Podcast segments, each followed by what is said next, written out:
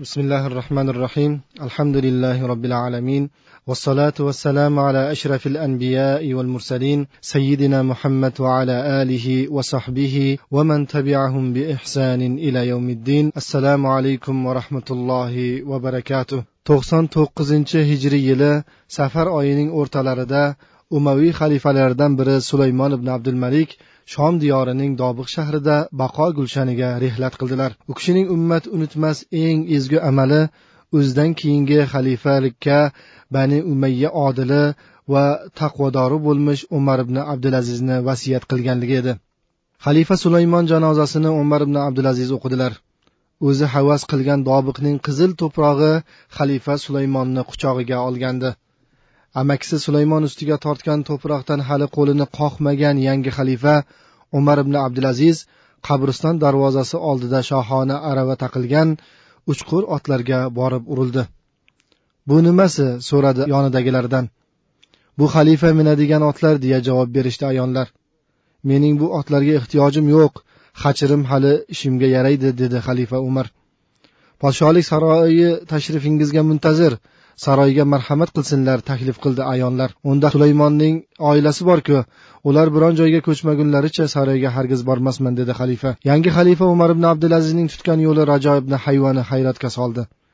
Umaviy yigitlarining barnosi olimi fozili shohona kiyimlari o'ziga yarashgan ko'rgan kishining havasi keladigan usti boshidan anbarafshon islar taratib yosh qarini o'ziga qaratib yuradigan umar ibn abdulazizning turmush tarzi xalifalikka o'tirgan kundan tubdan o'zgardi. Shu kundan e'tiboran yegani o'ziga yuqmadi. Ishtahasi tortgan narsani tanlab yemadi.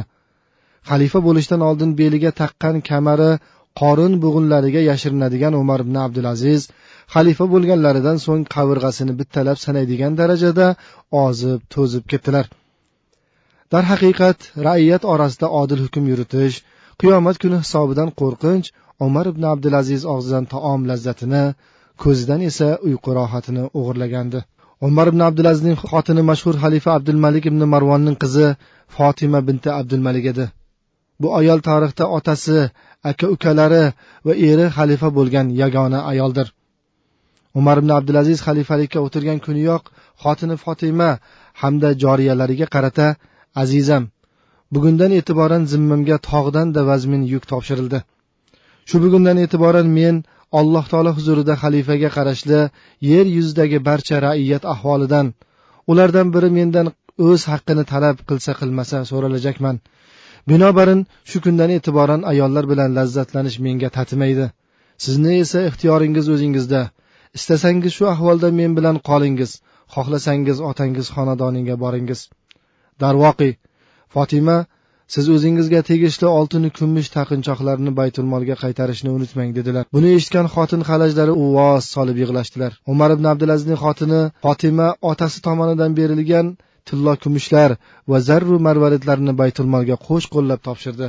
Ayni chog'da eri bilan birga qolish istagini ham bildirdi. Xalifa bo'lish xayolining bir chetiga ham kelmagan umar ibn abdulaziz yoshi o'ttizni xatlab qirchillagan qirqqa qadam qarab qadam tashlagan yigitlikning avjiga chiqqan pallada xotini fotimaga otasi abdulmalik ibn marvon sovg'a qilgan bir joriya xizmatkor qizga oshiqi beqaror bo'lib qoladi. Xotini fotima xizmatkor qiz erining yuragidan urganini bilar lekin go'zal qizni suyukli erining quchog'iga topshirishga rashk savdosi yo'l bermasdi. Umar ibn abdulaziz xalifalikka o'tirgach xotini fotima o'sha xizmatkor qizini eriga hadya etib dilini shod etmoqchi bo'ldi. Bu xabarni eshitgan ishqi muhabbati umar umar ibn abdulaziz yuragini ishg'ol etgan sohiba jamol sevinchidan tanasiga sig'masdi. Nihoyat oshiq ma'shuqlar intiqlik ila yo'liga ko'z tikkan visol damlari yetdi. Nigohlar bir biriga qadaldi ko'zlar kipriklar bir biriga tikilgancha unsiz suhbatlashardi oshiq ham ma'shuq ham o'zida yo'q baxtiyor edi. Nihoyat unsiz suhbatni buzgan umar ibn abdulaziz tilga kirdi. Jonginam men sizga bo'lgan muhabbatimdan boxabarsiz ammo bu kun menga og'ir ish yuklatildi. Mas'uliyatimning og'irligi qalbimdagi ayollarga nisbatan o'tni so'ndirdi. Endi meni ma'zur tutasiz. Aytmoqchi siz asli xayrliksiz dedilar. Men barbarlikman. Otam amir muso ibn nusayrga qarshi bir jinoyatga qo'l urgach qasosdan qochgan edilar. Muso ibn nusayr meni xalifa abdulmalikka xalifa esa qizlari fotimaga sovg'a qilib berdilar. Mana bugun zavjangiz fotima meni sizga tortiq etdilar deb javob berdi qiz. Sharmanda bo'lishimizga sal qolgan ekan. Xudoning o'zi asrabdi bizni. Tezda tayyorgarligingizni ko'ring. Sizni o'z diyoringizga jo'nataman dedi umar ibn abdulaziz. Raiyat mas'uliyati va qiyomatdagi hisob kitob o'y fikrini tamomila cho'lg'agan xalifa bir paytlar yuragiga o't yoqqan barno qizga javob xatini berdi. Xotini fotima binti abdulmalikning aytishlaricha ikki yil besh oylik xalifalik davrida umar ibn abdulaziz biron marta xotiniga yaqinlashmagan va hatto ehtilomdan g'usul qilmagan ekanlar. Podshohlik taxtiga o'tirishdan oldin har oy qirq ming dinor daromadi bo'lgan umar ibn abdulaziz xalifa etib bayat qilinganlaridan so'ng oylik daromadi ikki yuz dirhamga aylangandi.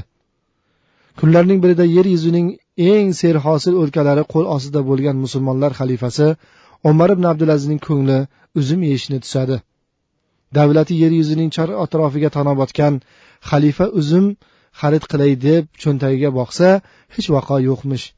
Shunda u kishi otasi tomonidan ato etilgan tulloyi kumushlari shodi shodi marvaratlarini erining amri ila musulmonlar baytul moliga topshirgan xotini fotimaga mobodo yoningizda uzum xarid qilishga yetarli mablag' yo'qmidi? deb murojaat qildilar. Ittifoqo xotini yonidan ham bir shingil uzumiga yetarli mablag' chiqmadi.